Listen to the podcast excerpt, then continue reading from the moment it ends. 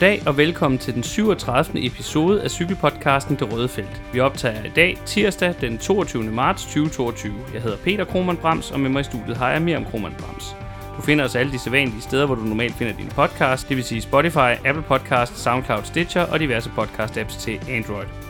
Derudover må du gerne følge os på de sociale medier og dele vores indhold, hvis du synes om det, vi laver. Du finder os på Facebook under facebook.com theredzonedk og på Twitter under twitter.com theredzonedk eller handlet snablag theredzone.dk. Her kan du også skrive til os, hvis du har nogle spørgsmål eller emner, som du gerne vil have, at vi tager op i vores programmer. Åbningen på etabløbssæsonen gav de forventede slovenske sejre i Paris-Nice og Tirreno Adriatico, men hvor den ene turfavorit leverede en magtdemonstration, virkede den anden noget mere usikker end ventet. Til gengæld blev det en anden slovener, der løb med overskrifterne i årets første monument. Risikerer vi, at årets store duel i den franske Grand Tour bliver en fuser, eller er det fortsat for tidligt at kalde det? Og hvad kan vi forvente os i sæsonens indledende brostensløb? Det ser vi nærmere på i denne episode af Det Røde Felt.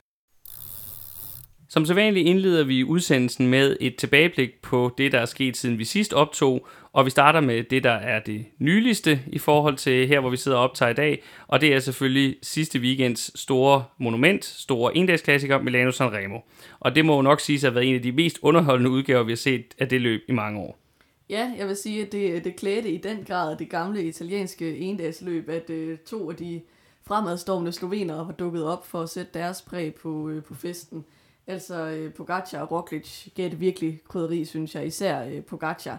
Altså vi skulle selvfølgelig helt frem til øh, Cipresa og sådan en, en 260-270 km ind i løbet, før der for alvor kom øh, festfyrkeri, men så skal jeg da ellers love for, at løbet ændrede karakter, fordi at øh, UAE, de satte jo det her fuldstændig drabelige tempo op af Cipresa, præcis ligesom Pogacar havde lovet forud for, øh, for løbet, at de ville gøre. Og så prøvede han jo øh, virkelig bare at slide sprinterne op, og det lykkedes også i, i rigtig stor stil. Mange af de store sprinter faldt af på vej op af Cipresa og kom aldrig op igen. Og så var der jo ikke specielt langt, før de kom hen til Poggio, hvor øh, han så virkelig bare gav en gas på Gacha og gik all in på at komme væk. Men der synes jeg så også, at vi så, at når hans modstandere er restitueret, og vi ikke er midt i et etabeløb, og ruten trods alt ikke er hårdere, end den er, jamen så kan han faktisk ikke dominere de her løb på samme måde, som han kan i etabeløbene. Så det lykkedes ham jo ikke at ryste øh, alle de andre af. For eksempel så så vi, at Van Aert var meget aktiv i øh, at lukke huller hele tiden. Vi så også, at nogle lidt tungere drenge, som Søren Krav Andersen og vores egen Mads Pedersen kunne hænge på, og det er jo i virkeligheden noget af det, der ender med at gøre, at at Pogacar ikke kan, kan løbe med sejren i sidste ende. Nej, fordi der, der var virkelig øh, kapløb om det hen over øh, Poggio, altså den, øh, den traditionelle finalestigning, men, øh, men der var ikke nogen, der havde benet til at ryste de andre af på det her tidspunkt, og så endte det med, at vi egentlig fik en relativt stor gruppe af favoritter, sådan mere eller mindre samlet hen over Poggio, og så var det lige pludselig en anden slovener, der, der greb takstokken og øh, trådte ind på, på scenen som øh, hovedrolleindhaveren. Ja, og vi ved jo et eller andet sted godt, at, øh, at Martin Mohoric, han vil være farlig i sådan en situation, og jeg tror da også, du havde budt på ham som vinder, havde du ikke det? Det havde jeg da i hvert fald. I vores øh, skriftlige optakt. øhm, fordi han er jo bare en fuldstændig gudsbenået nedkører, Martin Mohoric. Er også lidt, lidt måske en lidt hasarderet nedkører, hvis vi skal jo, være men de to ting er vel to sider samme sag nogle gange. Ja, det, det kan man argumentere for. Øhm, men i hvert fald, altså det lykkedes ham at hænge på hen over toppen, og så ved han jo godt, at hans chance, det er at sætte de andre nedad. Og han kastede jo bare cyklen rundt i de der sving, og Pogacar var ude at sige efter løbet, at han turde simpelthen ikke holde sin landsmands hjul, fordi at det gik så stærkt, og han var jo også flere gange ved at køre galt faktisk.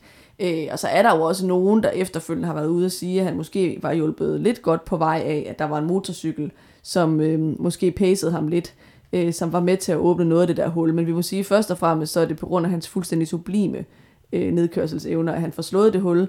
Og så går den lidt i stå øh, nede i gruppen. De kan ikke helt blive enige om, hvem det er, der skal lukke det hul. Øh, til sidst går vores egen Mads Pedersen frem og prøver at lukke hullet, men der er det simpelthen for sent til, at de kan gøre noget ved det.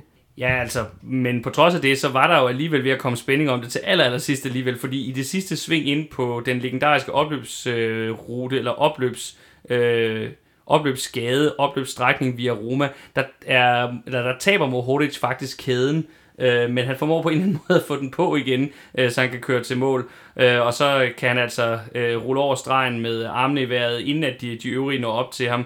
Det var franske Anthony Turgi, der var den, der var tættest på. Han kørte fra de øvrige øh, øh, rytter i den bagvedliggende gruppe lige øh, inden det sidste sving, så vidt jeg husker, øh, og når altså at holde ind til en anden plads. Han var meget frustreret, da han kom over stregen, tog sig til hovedet, og lignede, at han egentlig troede, at han havde timet det bedre, end han havde. Eller, det, var, det var i hvert fald helt tydeligt, at han var frustreret over, at det ikke lykkedes at nå hele vejen op.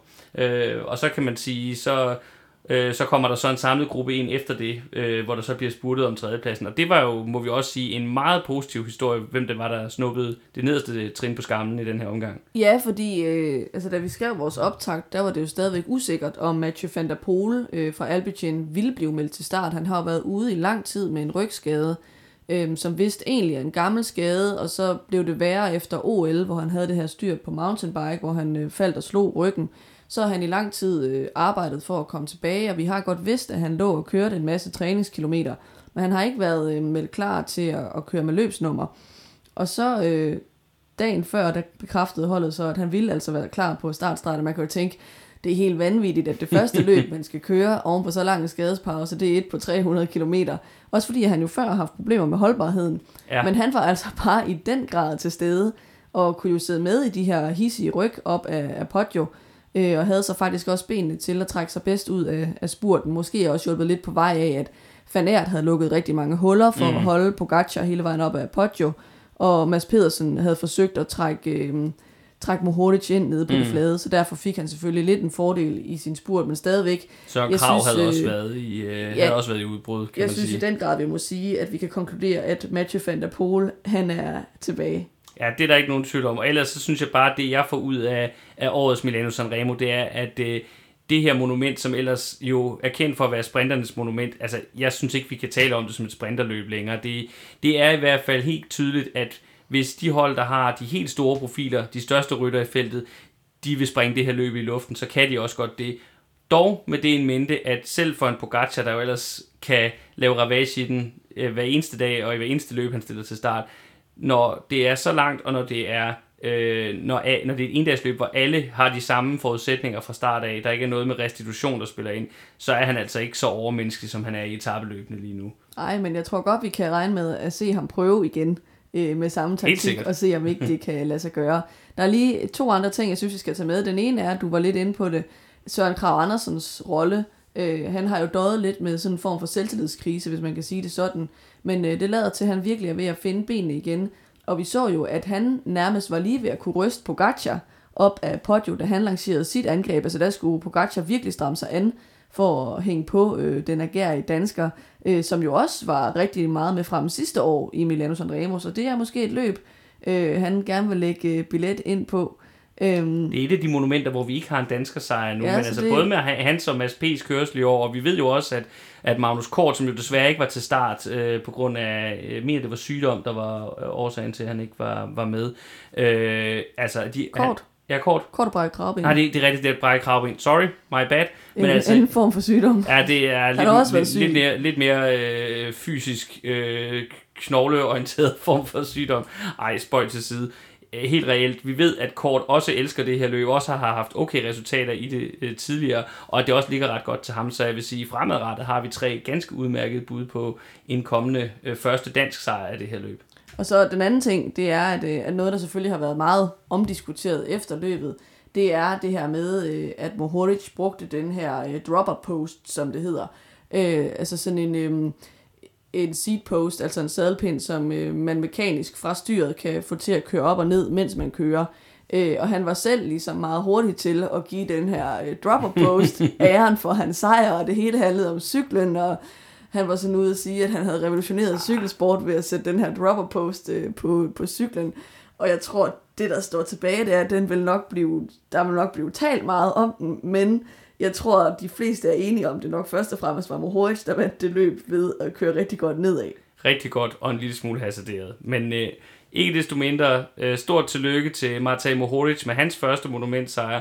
Øh, også en, der øh, tror jeg helt sikkert vil gå over i, i løbets historie. Ingen, ingen tvivl om det. Har du øh, flere ting til det her, ellers så tænker jeg, at vi skal bevæge os videre til nogle etabløb. Ikke andet end, at øh, man skal da bare være slovener i de her år i cykelfeltet. Det må man sige. Det kan godt være, at vi har en god generation i Danmark, men, øh, men øh, øh Slovenien, de, de, sætter altså selv, de sætter altså også, også til vægs øh, i de her år, det må man bare sige. Så går vi videre til øh, etabeløbene, der blev kørt øh, ugen før Milano Sanremo, altså de to sæsonåbningsetabeløb, øh, Tirreno Adriatico og Paris-Nice, som vi varmede op til i vores sidste program. Og ved du, hvad vi skal, hvad vi skal snakke om her? Nej. Slovenere. Nå ja, selvfølgelig, ja, selvfølgelig skal vi også det. Øh, og øh, jeg tænker, vi ligger ud med øh, ham, vi også snakkede rigtig meget om, udover Mohoric i, i, i det foregående segment. Vi vil nemlig starte med Tirreno Adriatico og øh, Tadej Pogacar, der til gengæld her viste, at når vi snakker etabløb, så er han til synligheden uovervindelig lige nu. Ja, han var næsten uhyggeligt dominerende i det her løb, synes jeg. Altså, han tog jo en, øh, en etappesejr på den, den første opadgående afslutning på fjerde etape, og så på sjette etape på den store bjergetappe, øh, hvor favoritterne for anden gang skulle op af, af Monte Carpena. Der var han jo bare i en liga for sig selv. Altså, der var, det var som om, der var lagt op til, at der var flere forskellige favoritter, der ligesom ville øh, køre på ham på skift, og man sad og tænkte, åh, øh, knækker han nu, hvor han skal lukke alle de huller selv. Og så, så kigger han så sådan lige omkring, konstaterer, hvem er her, okay, så kører jeg bare selv. Og så er der bare ingen, der kan følge med, og jeg synes, noget, der var påfaldende, det var, at, at det så ud som om, at Vingegaard, øh, som jo sad i den der favoritgruppe, ikke engang overvejede at køre med. Altså, det var mm. ikke sådan, han lige rejste sig op i pedalerne og forsøgte at lukke. Det var som om, at det var bare helt tydeligt for alle, der sad i den gruppe. Det der angreb skal jeg ikke prøve at gå med i, fordi det vil jeg knække halsen mm. på. Og jeg tror også, han sagde det bagefter, Jonas Vingegaard, at han havde slet ikke overvejet det, fordi han var bare så meget bedre øhm, på Gacha. Så altså, det var en, en kamp om øh, at være best of the rest for de andre klassementsrytter, der var med i det løb. Det skal så siges, han har også selv sagt bagefter på Gacha, at han er ikke særlig langt fra sin turform. Mm. Øhm, så det kan godt handle om, at han simpelthen formtopper højere lige nu, end de andre mm. klassementsrytter, der håber at, at gøre sig godt i turen gør, men han ser virkelig, virkelig god ud lige nu. Ja, og altså, øh, så er det ikke fordi, jeg skal tale Jonas Vingegaard ned. Han kører sådan set et flot nok løb, øh, og det var tydeligt, at ham og Landa var, var de to næststærkeste rytter, og det synes jeg var meget klart. Men når man ser forskellen mellem Pogacar og Vingegaard her, så kan jeg godt lidt frygte, at det har en, en indflydelse på Vingegaards chancer for at få den her medkaptajnrolle i turen. Jeg, jeg tror, jeg tror på baggrund af det her, så må vi nok indtil videre sige, at selvfølgelig skal Vingegaard nok få lov at køre sin chance, men han er nok nummer to lige nu. Altså når, når der er så stor forskel, øh, så, så tænker jeg, at det, det er nok at det signal, det sender til Jumbos øh, holdledelse. Det ved jeg ikke, fordi vi har jo ikke set Pogacar øh, og Roglic målt op imod hinanden. Nej, altså, det er selvfølgelig tror, rigtigt. Det, der egentlig skal give grund til bekymring, hvis der skal være noget for Vingegaard, så er det, at han, han kører en dårlig enkeltstart. Ja, det er rigtigt. Og det, det var overraskende. Ja. Øhm, men jeg tror egentlig, altså som, som vi også, du har allerede nævnt det, ikke kommer til at snakke om, Roglic sejr var slet ikke lige så dominerende i Paris-Nice. Øhm, hvis vi antager, at, øh, at Roglic og Vingegaard er på cirka samme formniveau, som man måske godt kunne på baggrund af, at de for eksempel kører mm. Drum Classic sammen, hvor Vingegaard faktisk var bedst, mm. øh, så tror jeg måske mere, at alarmklokkerne skal ringe på Jumbo sådan helt generelt og sige, okay, hvis vores rytter er der, og han er der, mm. Pogacar er, er så meget bedre, kan vi så slå ham? Ja, Ja, det er, det, det er jo også det, jeg lidt havde været inde på i min indledning til programmet. Altså, øh, skal vi allerede til at, at, at afblæse den store uh, Tour de France-duel, som vi jo ellers har, har varmet op til, også her i sæsonoptakten, fordi hvis, hvis forskellene er så tydelige, så, så, så er det et spørgsmål, om der bliver ret meget spænding om, der, hvem der vinder i, i Danmark og i Frankrig uh, til sommer. Der er selvfølgelig lang tid til nu, så det er også måske, at det, eller det er nok alt for tidligt at, at gå, gå så vidt i den diskussion endnu. Hvis vi skal tage et par øvrige historier fra Tirreno Adriatico, øh, så vil jeg sige, at jeg synes, det var fedt at se god gamle Richie Porte i det her løb. Han viste rigtig, rigtig god moral og, og viste, at han stadig kan køre godt i ugetabløb, i hvert fald i udgangspunktet. Endte også med en øh, fjerdeplads, mente jeg, at det, at det blev til samlet for ham. Det skal så lige siges, at han lige i dag er udgået på anden etape af Katalonien rundt, som vi køres i den her uge, mens vi optager et løb, vi i øvrigt vil samle lidt op på i vores næste program.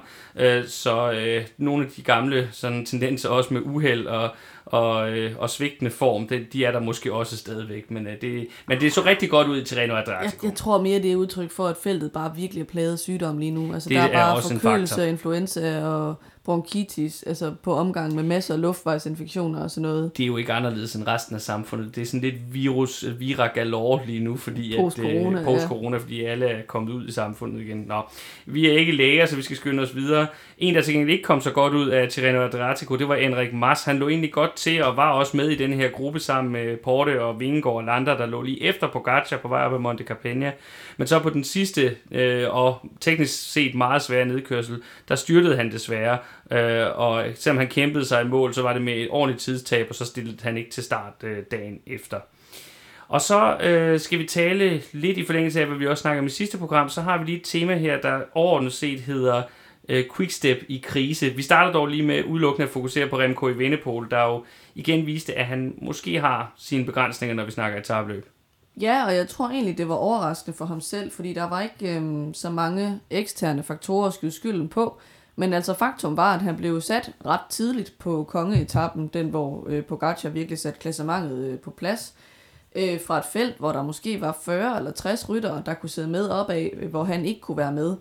Øh, jeg vil så sige til hans forsvar, jeg synes, han viste en anden modenhed, end vi har set tidligere. Dels ved, at han, han tabte ikke hovedet, han gik ikke i panik, han blev ved med at køre, også selvom der var langt, langt hjem, og fik begrænset sit tidstab til, hvad var det, fire minutter eller sådan noget.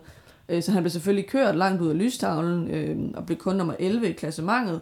Men dog øh, viste han den moral at kæmpe igennem, og han var også ude bagefter ligesom bare at sige, i dag var jeg ikke god nok, og jo tak til holdet for, for at arbejde for mig. Så en ny form for mental øh, modenhed i forhold til at takle modgangen, det synes jeg, vi må give ham. Helt klart. Men jeg tænker, at øh, det, det er lidt et issue for ham, hvis det viser sig nu her, at han faktisk måske slet ikke har evnerne til at køre klasse mange. Mm. Man har jo hele tiden talt meget om, at han skulle blive den her Grand Tour-rytter.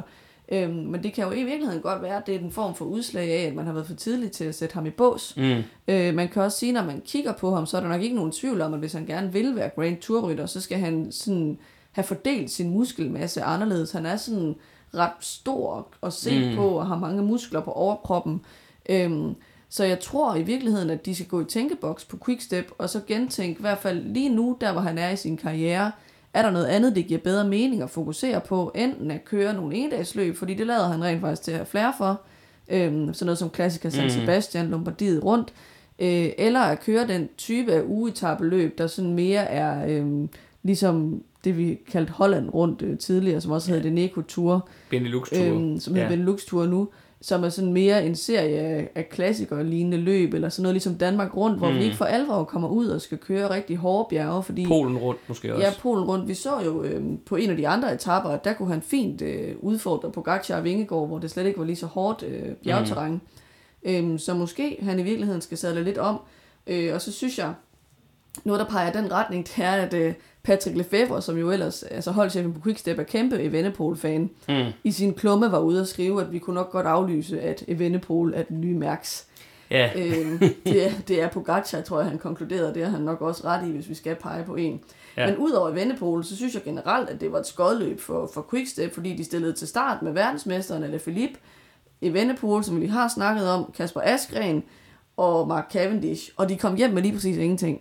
Ja, det var, øh, det er jo faktisk, det, det bygger jo videre på det, vi også sådan lidt snakkede om i, i, øh, i det sidste program med, at, øh, øh, eller ikke, det var faktisk ikke i det sidste program, det var i vores program, efter vi havde haft åbningsweekenden, hvor vi snakkede lidt om det her med, at Quickstep ikke så så stærke ud, som vi havde været vant til at se dem. Så havde de, nogle rigt, havde de rigtig godt øh, resultat i, øh, øh, så havde de rigtig godt resultat i Strade Bianche, som vi også vil komme tilbage til lidt senere, og så blev vi måske sådan lidt igen, okay, det er trods alt quickstep, måske har vi været for tidligt til at kalde den her, men netop når de tager med så stærkt et hold til så vigtigt et løb, og ikke kommer hjem med mere, end de gør, altså så, så kan man ikke lade være med at få den tanke, at at der er et eller andet, der ikke helt spiller, som det plejer, for, for det hold, der jo plejer at være det allermest dominerende i den her del af sæsonen. Det er jo her, de plejer at være øh, verdens bedste, og så er de selvfølgelig stadigvæk godt med, især på etabløsejrfronten, når vi kommer til, til de store Grand Tours senere på året, men det er jo den her del af sæsonen, hvor de virkelig skal vinde. Det, det er der ikke nogen tvivl om.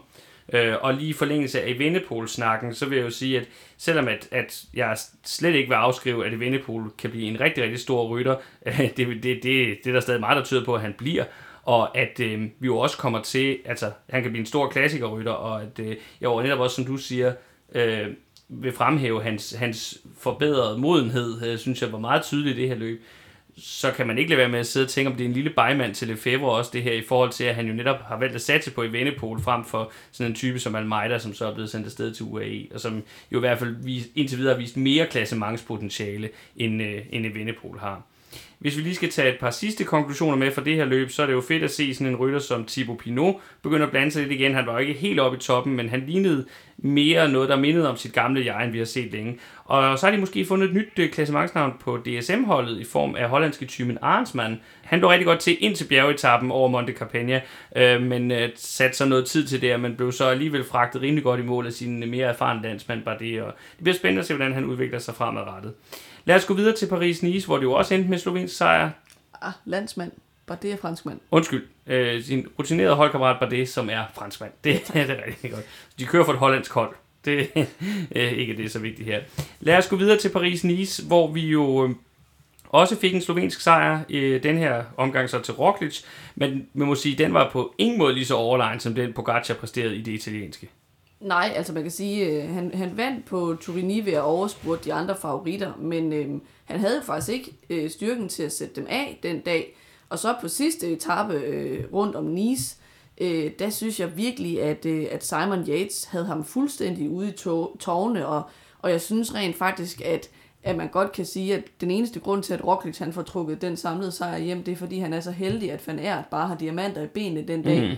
og sidder der for ham i finalen, og kan trække ham med hen over øh, Coldes, øh, så han ikke sætter alt for meget tid til opad til, til Simon Yates, og så kan være med til at, at fragte ham ned af, af Coldes, og så på den flade strækning ind mod Nice, øh, tage noget af det tabte tilbage. Hvis ikke Van havde siddet der til at passe på Roglic, så tror jeg, at Simon Yates havde løbet med sejren. Det tror jeg, du har helt ret i, og det ligger jo igen noget til det, vi, du også lige nævnte lige før med, at, at øh, Jumbo bør være lidt bekymret, når, når Vingegaard og Roglic ikke er, er stærkere lige nu. De er nok cirka lige stærke. Øh. Ja, det kan vi jo ikke vide, men det er et bud ud fra, mm. hvor, hvor dominerende Pogacar var over for Vingegaard, når man så ser Roglic være knap så overbevisende ja. i sin sejr. Det, det, det er svært ikke at drage den konklusion i hvert fald.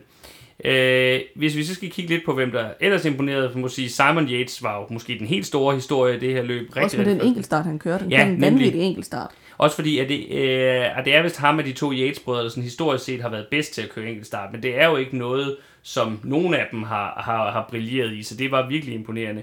Og ellers så, apropos Yates bror, så kan vi jo så hoppe videre til Ineos, men hvor det så ikke så meget er Adam Yates, jeg vil fremhæve den her gang, med derimod hans øh, kolumbianske holdkammerat Martinez, der var virkelig, virkelig godt kørende, og i øvrigt også kørte en flot enkeltstart. Og det er jo noget, han, i modsætning til de fleste af de andre kolumbianske ryttere, nærmest er så god til, at han næsten kan bruge det som et våben. Altså selvfølgelig er han ikke en Pogacar eller en Roglic, men det er ikke en rytter, hvor du kan sige, ham kan jeg gå ud og kværke på enkeltstarten, som du for eksempel altid har kunnet med Quintana. Øh, det er, det er en, en rytter, som er all-round, som er alsidig, og, og jeg vil da sige, at han er da måske næsten lige nu en af vores bedste bud øh, til turen, også øh, i og med, at han jo viste sig stærkere frem, end Adam Yates gjorde i det her løb. Så ham skal vi i hvert fald holde øje med resten af foråret, det bliver rigtig, rigtig spændende.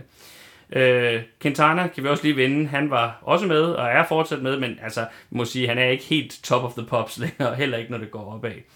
Øh, til gengæld så vil jeg lade dig øh, gå lidt i detalje med en, en mindre skuffelse. Øh, en stor skuffelse for dig, tror jeg, med ja, Joao Almeida, som du jo har på dit managerhold. Det skal vi ikke snakke om. Det skal så siges, jeg har i vendepol på mit, så det er ikke meget ja, bedre. Nej. Øhm, nå, men altså, han havde det jo svært i det kolde vejr. I det hele taget ligner han en, der ikke er kommet ind i sæsonen i topform, synes jeg. Øhm, jeg tror især det er det med vejret, fordi han kørte jo rigtig fint han, i UAE-tur. Han er kendt for ikke at være specielt vild med det kolde vejr. Det, det er der nogen der ikke rigtig kan lære. Altså Valverde øh, er det er samme type. Ja, ja. Altså på en dårlig dag med regnvejr og vind, øh, der, mm-hmm. der ser du ikke ham komme først over stregen. Absolut ikke. Øhm, men altså, han kom lidt igen, synes jeg, senere i løbet af Almeida og viste, at han, han havde lidt bjergben i hvert fald. Men øhm, det er ikke fordi, han lige er kommet op i Pogacar-kaliber af at skifte til UAE, må vi nok sige indtil videre. Øhm, så synes jeg, at vi ellers også kan nævne, at øhm, det er jo et løb, hvor, hvor sidevind kom til at spille en ret stor rolle i starten af løbet øh, og gjorde, at vi ikke fik lige så mange af de her store sprinterdueller, som vi havde lagt op til i vores optag, fordi der var ellers rigtig mange store sprinter til start. Mm. Øh, men det var faktisk kun en enkelt dag, hvor vi virkelig fik den her store øh, sådan boulevardsprint. Der synes jeg så, at, at Quicksteps Fabio Jacobsen fik vist, at han lige nu er den, der er bedst i de her øh, klassiske sprinter, øh, og også øh, får cementeret, at han har overtaget den her sådan interne konkurrence på Quickstep, man taler lidt om mellem ham og og Mark Cavendish om, mm. hvem det er, der skal udtages øh, til turen. Øhm, I forhold til de her øh, sprinter, der så blev, fik en lidt anden karakter, der vil jeg så sige, at det var jo fedt at se, at Mads Pedersen var rigtig godt kørende. Øh, og to gange øh, overspurter han jo fanært i direkte mm. duel i de her sådan lidt reducerede spurter. Den ene af gangene, hvor han så får en etappesejr ud af det. Og det tænker jeg, det er rigtig fedt her forud for klassikerne. Han viser jo, at han er jo fuldstændig kanon form, Mads Pedersen, det er den ene ting. Men også det der sådan lidt psykologiske overtag ved, at Van Aert to gange i træk opdager, hov, jeg kan bare ikke komme forbi ham der mm. danskeren, han er bare hurtigere end mig. ja. Og vi har jo set det før med, med Trentin, at det kan sætte sig, Ja, når ja, sådan en bestemt. Mads Pedersen øh, slår en i en vigtig finale. Prøv at forestille dig, hvis de to de kommer til mål sammen i Flandern rundt, lidt ligesom øh, Askren og Van der Poel gjorde sidste år. Det, det, den er helt åben, hvis det er det, der sker, øh, vil jeg sige lige nu. Så, Øh, så synes jeg så, at vi skal sige til Jumbos forsvar, som hold kørte de rigtig godt. Vi så blandt andet på første etape, at de smadrede det hele og kom i mål som nummer 1, 2 og 3, og satte resten af feltet af, altså ved at, øh, at Laporte og Roglic og Van Aert bare kørte fra alle andre. Mm. Øhm, så som hold synes jeg, det var en virkelig flot præstation, og vi skal også selvfølgelig sige, at Roglic trækker rent faktisk sejren hjem. Øh, han kludrede jo i det sidste år i Paris-Nice og væltede på sidste etape og mistede øh, noget, der ellers lignede en sikker sejr, så han fik Paris-Nice på sit palmarès, og, og på den måde var det et godt løb for holdet. Det så bare ikke helt godt ud på sidste dag i forhold til hans sådan, klassementsform. Helt bestemt, og øh, i øvrigt kan vi lige nævne det, at øh, sejren på første etape faktisk var Christophe Laportes første sejr på World Det var jeg ikke klar over, før jeg fik det at vide den dag, så stort tillykke til ham også, og i det hele taget tillykke til Jumbo. Det var et øh, mere end godkendt Paris-Nice som helhed, øh, dog med de små bekymrende spørgsmålstegn, der så er i forhold til resten af sæsonen. Så skal vi også lige rundt om Strade Bianche, som vi jo også var med op til vores sidste øh, udsendelse, og det var jo øh, også her en øh, opvisning, næsten i hvert fald fra Pogacar. En slovenerfest mere. Ja, tak. Øh, ja, altså han er jo bare helt vild, øh, fordi han, han valgte jo faktisk at stikke afsted enormt tidligt i løbet. Vi vidste jo godt, at han ville kunne køre med, og nok ville køre aggressivt, men allerede på, øh, på den her frygtede Monte Santa Maria Pavé, øh, som er sådan lige knap 50 km fra mål, der kørte han jo bare solo. Øhm, og vi så, at, at Alaphilippe forsøgte at gå med ham, og, og lignede også først en, der måske ville kunne køre duo med ham. Og så bliver han bare sat fra jul mm. af, af Pogacar øh, på det her altså underlag, som selvfølgelig er vildt svært, fordi det både er grus og det er stejlt. Og så, altså jeg sad og tænkte, ej, det er alt for tidligt. Altså lidt ligesom dengang øh, Gilbert kørte solo i, I Flandern i rundt. Flandern rundt. Ja. Og altså på et tidspunkt kan man sige, der blev han jo også sat meget under pres af, at han, han satte tid til lige så stille, og der var en forfølgergruppe blandt andre med Askren og Valverde, øhm, som begyndte at æde tid. Men alligevel så formåede han så at få det stabiliseret, og holdt jo så øh, hjem øh, til en meget, meget overbevisende sejr. Jeg tror måske også, det er den største sejrsmarken, der har været indtil videre i løbet. Det plejer at være nemlig et ret tæt løb. Ja, det plejer først at blive afgjort øh... på Øh. den der stigning op til, op til Piazza del Campo inden i Siena. Men øh, i år var, der, var løbet allerede afgjort, da Pogacar kørte ind på den stigning. Og altså, ja, 49 km solorit, han er bare fuldstændig imponerende. Det er han, og, og jeg synes også, det siger meget om den status, han allerede har i feltet, at øh, da Valverde kommer i mål, han bliver nummer to, og Valverde har jo så mange sejre i sin karriere. Det er helt tydeligt, at han er super glad for den anden plads, og han er bare hen og ønsker Pogacar til lykke med det samme. Det er meget tydeligt, at øh, Valverde har ikke noget problem med at blive slået af, af den, unge, den unge mand fra Slovenien. Det, det er, øh, I den situation var, havde han ikke noget problem med at være best of the rest. Det var meget tydeligt. Øh, til gengæld så synes jeg, altså der er jo ikke så meget mere at sige til Valverde. Han er bare stadigvæk kanon, selvom han er ved at være 42. Og det er sindssygt flot, at han kan blive nummer to i det her løb. Øh, til gengæld så synes jeg lige, vi skal fremhæve, apropos det jeg talte om lige før med, at det ikke er alt, der har været skidt for Quickstep her i, i indledningen på sæsonen. At Kasper Askren faktisk viser rigtig gode takter, også på stigningerne ikke mindst. Øh, så han rigtig, rigtig stærkt ud, og det var jo forklaringen på, at han slutter på tredjepladsen i, i det her løb.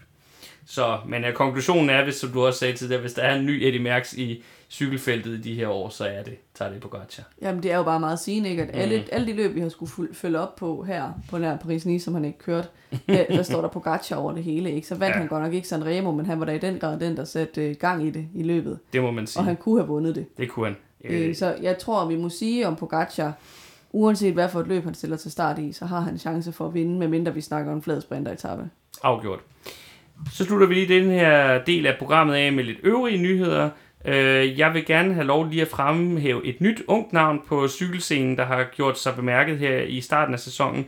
Det er den unge belgier Arno Delie fra Lotto. Han ligner altså virkelig en kommende stjerne. Jeg kan ikke helt sige nu, om han bliver en sprintertype, eller han mere bliver sådan en, en hurtig klassikertype. Men han har i hvert fald kørt en række rigtig fine resultater ind på lidt lavere niveau, hvor der har været øh, World Tour hold til start indtil videre.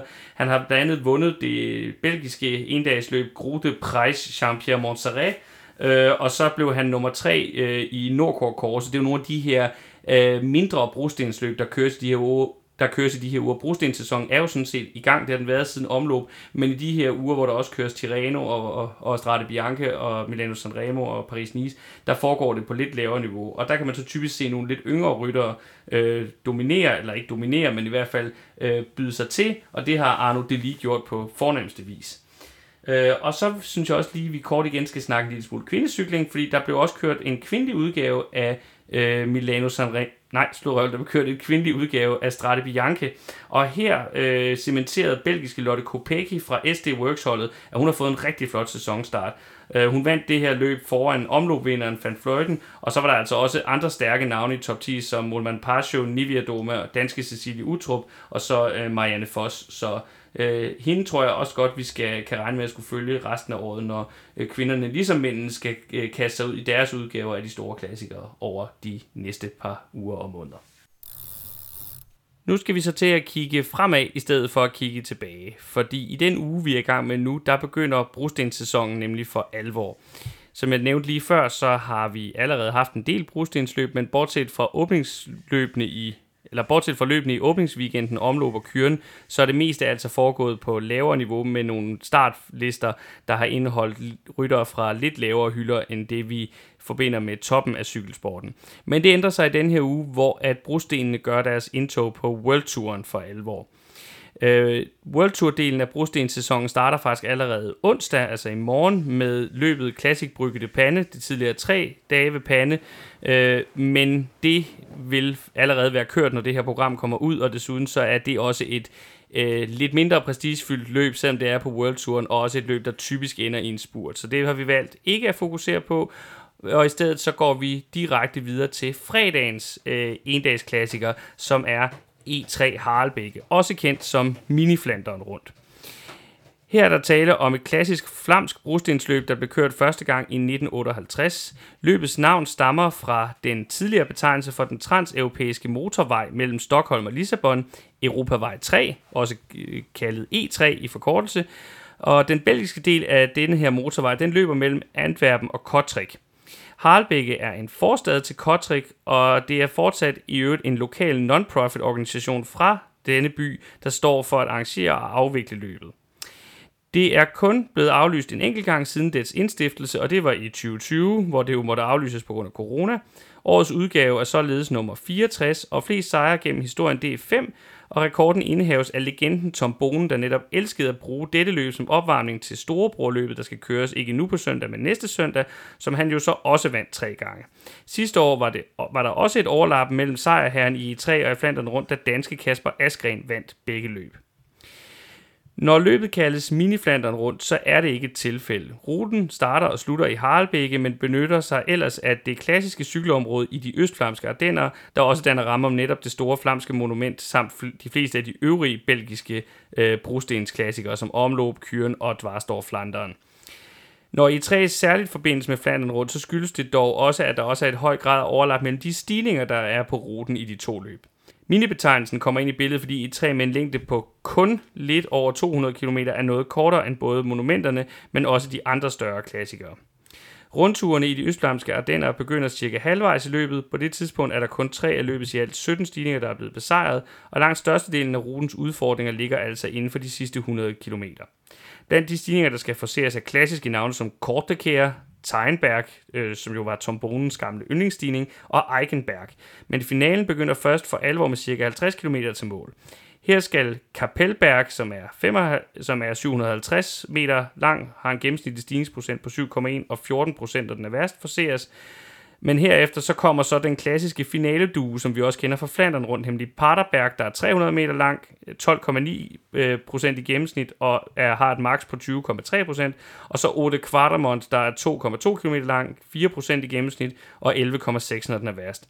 Men det, der er lidt sjovt ved E3-ruten, er, at der kommer de omvendt rækkefølge af, hvad vi kommer til at se i Flandern rundt. Og med cirka 40 km til mål fra toppen af Quartermont, som er den sidste af de to her, øh, er der altså stadigvæk et godt stykke vej hjem. Efter Quatermont venter endnu to stigninger i form af Karnemælkbæk Strat, der er 1,5 km lang, 4,9% i gennemsnit, og 18% hvor den er værst. Den har vi med cirka 30 km til mål. Og så har vi den traditionelle sidste forhindring i form af Tigenberg, der er 750 meter lang, 5,6% i gennemsnit, og 9% den er værst. Det er efterfølgelse af de sidste 20 km ind mod Harlbække, der alt overvejende er flade. Feltet vil dog på dette tidspunkt ofte være splittet i mindre favoritgrupper, som vi vil se jagte ind mod målbyen, og kampen om at få den bedst mulige generalprøve på det store slag, der venter ni dage senere. Når vi nu har øh, ligesom sat scenen for, at det her det ligesom er generalprøven på Flandern rundt om ni dage, så bliver det også rigtig interessant at snakke om favoritterne, fordi mange af dem jo nok også vil gå igen, når vi skal tale om, hvem der er øh, de største kandidater til sejren i Udenarte om ni dage. Men øh, hvem ser du som de største favoritter, Miriam, her til E3? Jeg synes, øh, de første, som det giver mening at pege på, det er dem, vi kan kalde de tre musketerer fra Jumbo Visma-holdet. Det er selvfølgelig klart Wout van Aert, der står forrest af de tre musketerer og virkelig er øh, hovedkaptajnen. Vi har set, at han er i knaldgod form øh, og var totalt dominerende i, i åbningsweekenden, hvor han kørte omløb. Øh, men han er jo rigtig godt bakket op af en Christophe Laporte i superform, og også af en, øh, af en Thijs Binot, som er blevet hentet over i øh, sæsonpausen. Så jeg tror virkelig, de vil komme til at sætte deres præg øh, på løbet og forsøge at både at gøre det hårdt for Wout van Aert, men også måske at spille øh, en Christophe Laporte ud strategisk, øh, ligesom vi så, de gjorde i omløb, sådan at van Aert kan køre kontra, når der er nogle andre, der så bliver tvunget til at, at lukke ham ned. Ja, altså vi må jo sige, at hvis Fanert øh, viser de samme takter i forhold til at køre brosten, som man gjorde i omløb, så, så er det jo, som vi også snakkede om efter det løb, så, så er det jo svært at forestille sig, at der kan blive ret meget kamp om det. Men øh, jeg tænker alligevel, at det nok især Quickstep, på trods af et, et svagt Tirreno og Adriatico, så tænker jeg stadigvæk, at vi skal se Quickstep som en meget stærk udfordrer, ikke mindst på grund af deres danske indslag. Ja, ja, fordi Kasper Askren er jo den forsvarende vinder. Han vandt jo både i tre og Flandern rundt ja, sidste år. Ja, også nævnte i, øh, øhm, under rutegennemgangen. Så øhm, det er klart, at øh, de vil også prøve, kan man sige, måske den samme strategi, øh, det her med at spille den ene ud efter den anden, ikke? fordi de har jo også en Yves Lampere med, og en Florian Senechal og en Stenik Stibar, som alle sammen er nogen, der i princippet mm. også godt vil kunne vinde det her løb. Så jeg tror, at Askren vil måske være sådan en moderat kaptajn, men med sådan en ret klar sideordning, hvor de vil bruge den her klassiske quickstep-strategi og prøve at spille nogle forskellige kort ud. Så det bliver nok sådan et, et Jumbo Visma quickstep-opgør i udgangspunktet. Men jeg synes også, at der er nogle andre hold, som har nogle, nogle stærke kombinationer med, som er værd at nævne. Altså AG2R lader jo til at have fået ordentligt gang i Van Avermaet og Næsen, som ellers lignede nogle totale flop sidste år. De er mm. begge to kommet fint fra start. Der er jo også uh, Trek-holdet, hvor vi både har øh, danske Mads Pedersen og hans gode ven øh, Jasper Støjven, og de har jo så også den unge amerikaner Quinn Simmons med på holdet, som også har mm. vist, at han er i rigtig god form. Han kører blandt andet et flot uh, Strade Bianca. Han Igen i øvrigt. Bjergtrøjen i Tirreno Adriatico. Mm. Øhm, så, så det er også et hold, der har mange strenge at spille på. Jeg tror, øh, der er bedre chancer i år for, at Mads vil kunne være med i sådan et løb her, fordi han mm. har tabt sig lidt. Han er blevet lige det lettere. Det så måske godt se, han godt øh, kan, kan slæve sig med henover. Afgjort. Det tror jeg, der ikke er nogen øh, tvivl om. Hvis jeg lige må vende tilbage til Quickstep kortvejet, så jeg er enig i, at de vil nok prøve med den klassiske taktik, men jeg tænker egentlig, at, at Askren i år lidt mere er deres sådan, øh, klare favoritkort, øh, sammenlignet med tidligere. Øh, til dels baseret på, hvordan han kørte i Strade Bianca, men også fordi jeg synes, at de tre andre ikke har virket helt så skarpe. Jeg synes, Stibar har set okay ud efter en lidt sløv start, men, men både Seneschal og Lampere har jeg ikke ikke spottet være lige så skarpe, som, som man kunne have håbet på for Quickstep. Især ikke Lampere, synes jeg har vist ret meget indtil videre.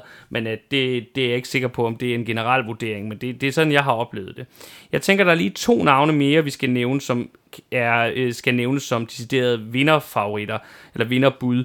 Øh, den ene, det tænker jeg, er vinderen fra, det, fra sidste weekends Milano Sanremo, altså Matej Mohoric, han lader jo bare til at være i kanonform, og han har virkelig også råstyrken til at gøre sig på, på brostenene, så jeg tænker, ham skal vi bestemt ikke afskrive, øh, og heller ikke med tanke på den slovenerfest, som årets sæson har været indtil nu. Og så synes jeg også lige, vi skal rundt om Astana, fordi Gianni Moscon, han har ikke øh, kørt så meget indtil nu, men han, øh, han starter sin klassikersæson op for alvor i den her weekend, og jeg er meget, meget spændt på at se, hvordan, øh, hvordan han kommer til at gøre sig på det her underlag, hvor han jo tidligere har nogle rigtig gode resultater fra. Øhm, så er der også nogle rytter, hvor man kan sige, de er måske ikke vinderfavoritter eller vinderbud, men, men nogen, vi også skal holde øje med. Hvem, hvem tænker du især bliver, bliver interessant at kigge på der?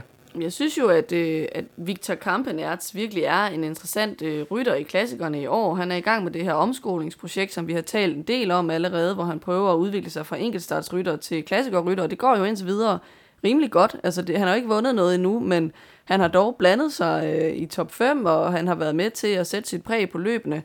Øh, og Lotto stiller jo så i øvrigt også til start med øh, ham her, Deli, som du, du nævnte tidligere. Jeg tror, at E3 er for hårdt et løb for ham. Jeg ser mm. ham nok mere som sprinter, øh, og mindre som klassikerrytter, men det må, det må tiden vise. Jeg troede også, at han var for ung til at kunne slå igennem i år, og det har han jo allerede modbevist. Han er lige blevet 20, han er pur ung, øh, så det kan gå flere veje stadigvæk for ham. Så er der FDJ, der stiller op med Stefan Køng. Øh, man kan sige, at han har jo prøvet at lave transformationen lidt tidligere end Kampenerts, mm. og det, det går godt på den måde, at han er jo en, man altid taler om, men omvendt så mangler de store sejre selvfølgelig også. Så er der Israel-holdet, som stiller med Sepp van Marke, som jo indtil videre har været øh, holdt ude og, og forsinket sin øh, sæsonopstart. Øh, så han skal også til at, at i gang med ligesom at få løbskilometer i benene her forud for de helt store løb.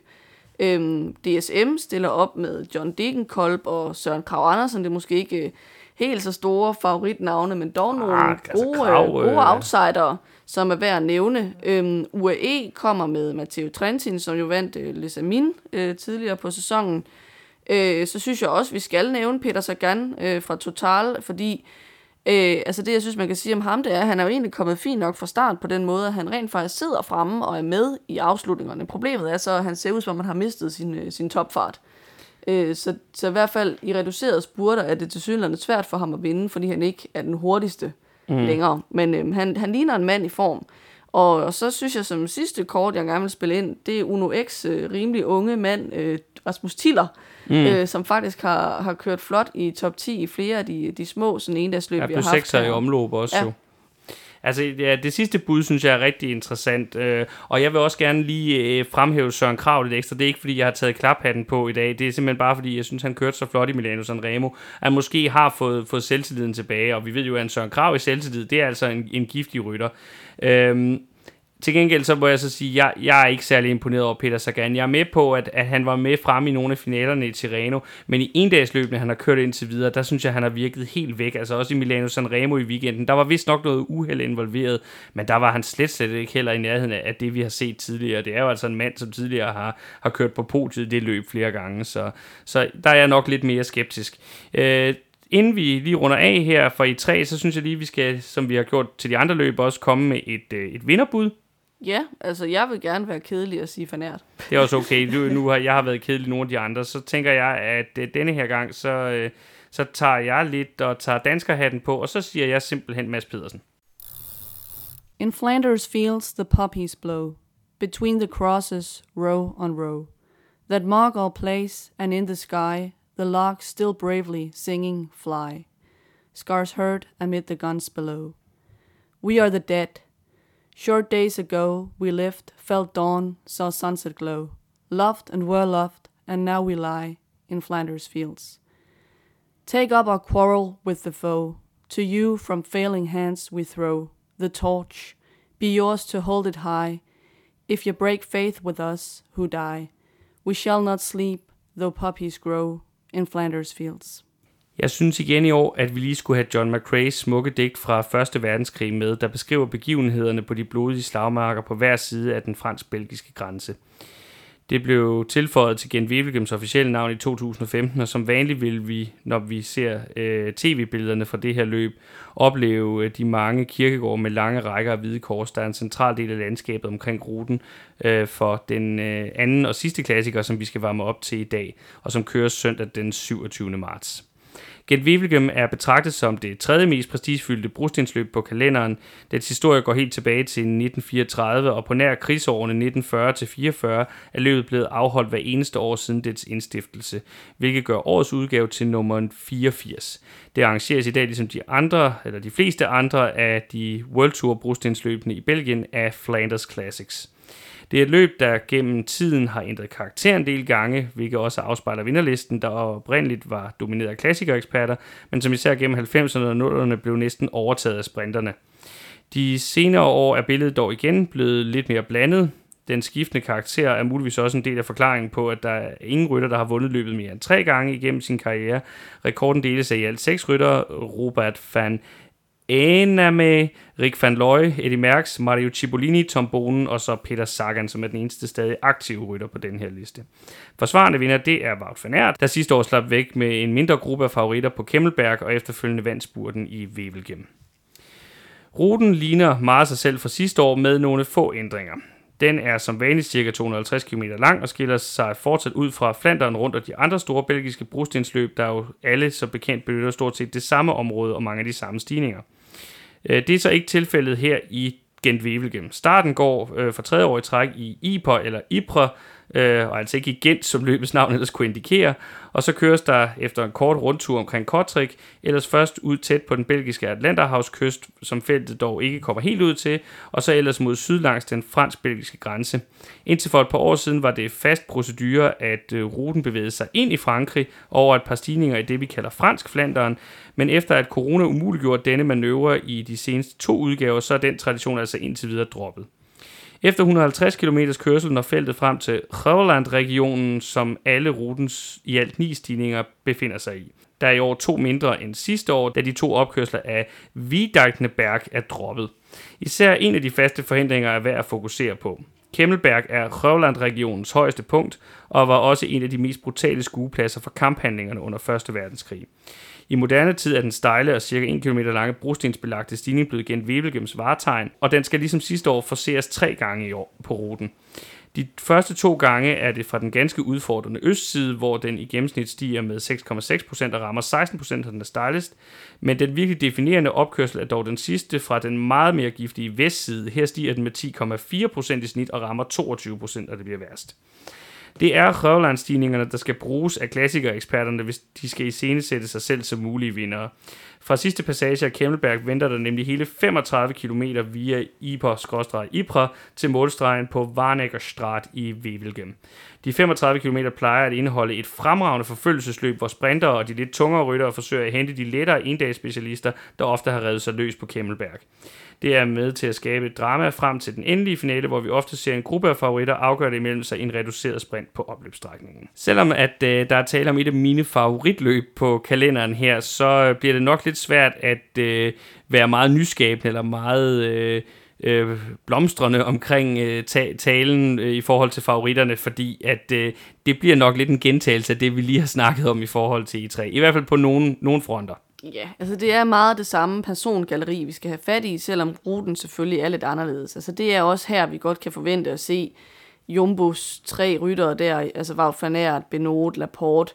Vi kan forvente at se øh, Quickstep øh, også spille ud med de samme fire ryttere. Øh, vi kan forvente at se Van Avermaet og Næsen i offensiven for AG2R. Men jeg synes også, vi må sige, at der er nogle andre ryttertyper, der kan blande sig, ikke? fordi Quickstep store navn må jo i det her løb være Fabio Jacobsen, hvis han kan mm. holde øh, på den her rundstrækning og en faktisk komme med øh, øh, frem til finalen, og, og hvis det så ender i en sprint, så vil han klart være et af de bedste bud på, øh, på en sejr. Øhm, på samme måde synes jeg, at, øh, at Alpecin har et helt andet øh, claim to fame i det her løb. De stiller både op med Tim Merlier og med Jasper Philipsen, som vi ved er enormt hurtige på stregen, men som også har øh, den der øh, klassikerrytter evne til at, at holde til noget, der sådan er lidt mere strapasserende. Øhm, Bora stiller op med Pascal Ackermann, som jo faktisk har fået øh, sej, øh, den første sejr i sæsonen under bæltet. øh, og nok kommer med noget mere selvtillid. Øh, de har så også Trentin med, som vi talte om før. Øhm, og så vil jeg sige i forhold til, til Trek, at, øh, at det her løb ser jeg Mads Pedersen som en endnu større favorit til, fordi at det lige måske er, at det mindre hårdt sådan på, på højdemeter. Ja, man kan jo sige, at hvis man skulle lave opdelingen hos Trek mellem Støjven og Mads P., så, så nu, nu udråbte jeg godt nok Mads P. til, til min øh, til min favorit, eller mit vinderbud i E3. Men øh, traditionelt vil man nok sige, at, det, at E3 ligger bedre til Støjven, der er lidt lettere og lidt bedre på stigningerne, hvor at det her så meget mere er et Mads P-løb, hvis vi skal være helt ærlige. Han har jo også vundet det før. Øh, det gjorde han jo i, i, i 2020-sæsonen. Øh, man kan så sige, der er nogle af de her sprinter, der måske kan komme med til mål, og vi så jo sidste år, at det lykkedes for Quickstep, for deres sprinter, det var så Sam Bennett på det tidspunkt, med hen over Kemmelberg i favoritgruppen. Han havde så bare ikke haft helt styr på det der med at indtage føde undervejs, så han endte jo med at gå fuldstændig kold på vej ind til mål, og så blev det en, en lidt nemmere omgang for Fanær, der sikrer sig sejren øh, inde på øh, Strat. Ja, ja, han forsøgte desperat at indtage Jalkas øh, som ja. nødløsning, som så lynhurtigt kom den anden vej, og vi så jo faktisk, ja. at han havde kastet op på cyklen Ja. Øh, han gik kold med et brag. ja, og, og, og det er bare for at sige, det kan godt være, at en af sprinterne slipper med heller over Kemmelberg i første gruppe, men det er ikke nogen garanti for, at de så kommer med hele vejen til Wevelgem, eller er den stærkeste mand, når vi når ind på opløbsstrækningen. Jeg vil sige, selv hvis Bennett havde fået kæmpet sig med, så tror jeg faktisk, at Fanert havde, havde vundet, uanset hvad sidste år. Og han må være den største favorit, tænker jeg også her, i, også i, i sådan med en lidt større gruppe. Må jeg spille ind med nogle, med nogle andre joker også? Helt klart. Altså fordi jeg synes, øh, for eksempel et, et hold som Frances de Jeux, der vil, eller FDJ, der vil jeg sige, der er det så ikke Køng i det her løb, der er den helt store mand, men mere sådan en som øh, Arnaud Demare, som jo øh, lidt ligesom sådan Jasper Philips type, både er hurtig, men også godt kan, kan sidde med, når det er lidt hårdere. Øh, Israel kommer med Giacomo Nizzolo, som også er en hurtig, hurtig og holdbar fyr. Øhm, så har Wanty jo øh, norske Alexander Kristoff. Også en øh, tidligere vinder af løbet. Også en tidligere vinder, og, og en, som øh, er kommet overraskende godt i gang, synes jeg, med sæsonen, og som de jo virkelig skal håbe på, på Wanty kan levere nogle store resultater, altså for eksempel en top 5 i sådan et løb her, så de kan få knaldet nogle point ind på deres øh, konto til World Tour-regnskabet. Øh, øhm, og så vil jeg altså også gerne lige tage danskerhatten på og klappe lidt med den, og så sige, Michael Valgren, kunne, ja. det, kunne det være noget for ham? Det, det, det kunne det godt. Jeg, jeg ser stadigvæk ham lidt mere. Altså, han er jo egentlig også sådan okay på stigninger. Jeg tror måske, måske egentlig er til, til E3 måske, ja. hvis det skal være, eller til Flandern rundt i næste weekend. Jeg, jeg, altså, jeg har meget svært ved at se ham, selv hvis det bliver en mindre gruppe, der slipper hen over Kemmelberg og holder ind til mål, så har jeg bare svært ved at se, at, at det ligesom bliver bliver ham, der så bliver den hurtigste mand i den finale. Altså, der, der tænker jeg, der vil en fanær typisk jo nok også sidde der. Altså, det vil være mit bud umiddelbart. Øh, og så skal vi måske igen også lige nævne Mohoric et eller andet sted, tænker jeg, selvom at øh, vi måske skal passe på at tale ham lidt for meget op om på den Sanremo sejr. Ja, også fordi at øh, der, der spillede det jo virkelig til hans øh, store styrke med nedkørslen. Øh, så han er, sådan, han er hurtig nok, men så hurtig er han heller ikke, og jeg tænker, han har også nogle holdkaptajner den dag, som er hurtigere end ham, altså for eksempel en, en Hausler, og også øh, den unge sprinter øh, Fred Wright, øh, som de har på holdet, som mm. egentlig har vist nogle okay øh, takter her øh, fra starten af, af året. Så synes jeg jo også, at vi igen skal nævne øh, den unge Deli der, fordi mm. altså, jeg tror faktisk mere på ham i det her løb, fordi at det ikke er lige så, der ikke er lige så mange højdemeter, øh, og, og jeg ser ham mere som sådan en, en hurtig sprintertype. Så tænker jeg lige, du nævnte ham kort lige før, mener jeg, men Peter Sagan, øh, han er jo faktisk øh, delt rekordindehaver i det her løb. Tror du, at øh, der er, nu var du lidt mere optimistisk omkring ham lige før, end jeg var, Tror du, der er en reel chance for, at han tager sin fjerde sejr, og dermed bliver den mest vindende rytter i Gen historie? Nej, altså jeg har svært ved at se et scenarie, hvor løbet udvikler sig på en måde, hvor det vil, ham, vil være ham, der er bedst, fordi altså, hvad, hvad er det for et scenarie? Altså, det er jo i hvert fald ikke et scenarie, hvor alle de, de bedste sprintere kommer med til mål, mm. men selv hvis vi er kommet af med dem, må vi gå ud fra, at en Wout van Aert eller en Mads Pedersen, eller dem begge to, også vil sidde i den gruppe, og de er helt klart hurtigere end ham lige nu. Øh, så, så, så tror jeg, der skal nogle helt ekstraordinære omstændigheder til. Jeg kan godt se ham køre top 5, øh, men jeg, jeg har svært ved at se ham vinde. Det, øh, det tænker jeg er en meget øh, konkret og meget korrekt øh, analyse. Jeg er meget, meget enig.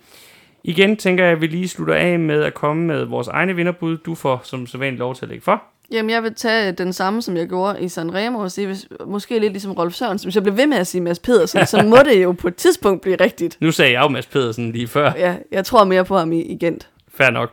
Jamen, så tror jeg også, for at det ikke skal være så kedeligt, øh, og det vil nemt vil være at sige fanært her, men øh, vinder for anden år i træk. Men jeg er lidt frisk og siger, at der kommer flere rytter samlet ind, og så bliver han slået af en landsmand, så jeg siger, Jasper Philipsen vinder årets udgave af Gent Wevelgem.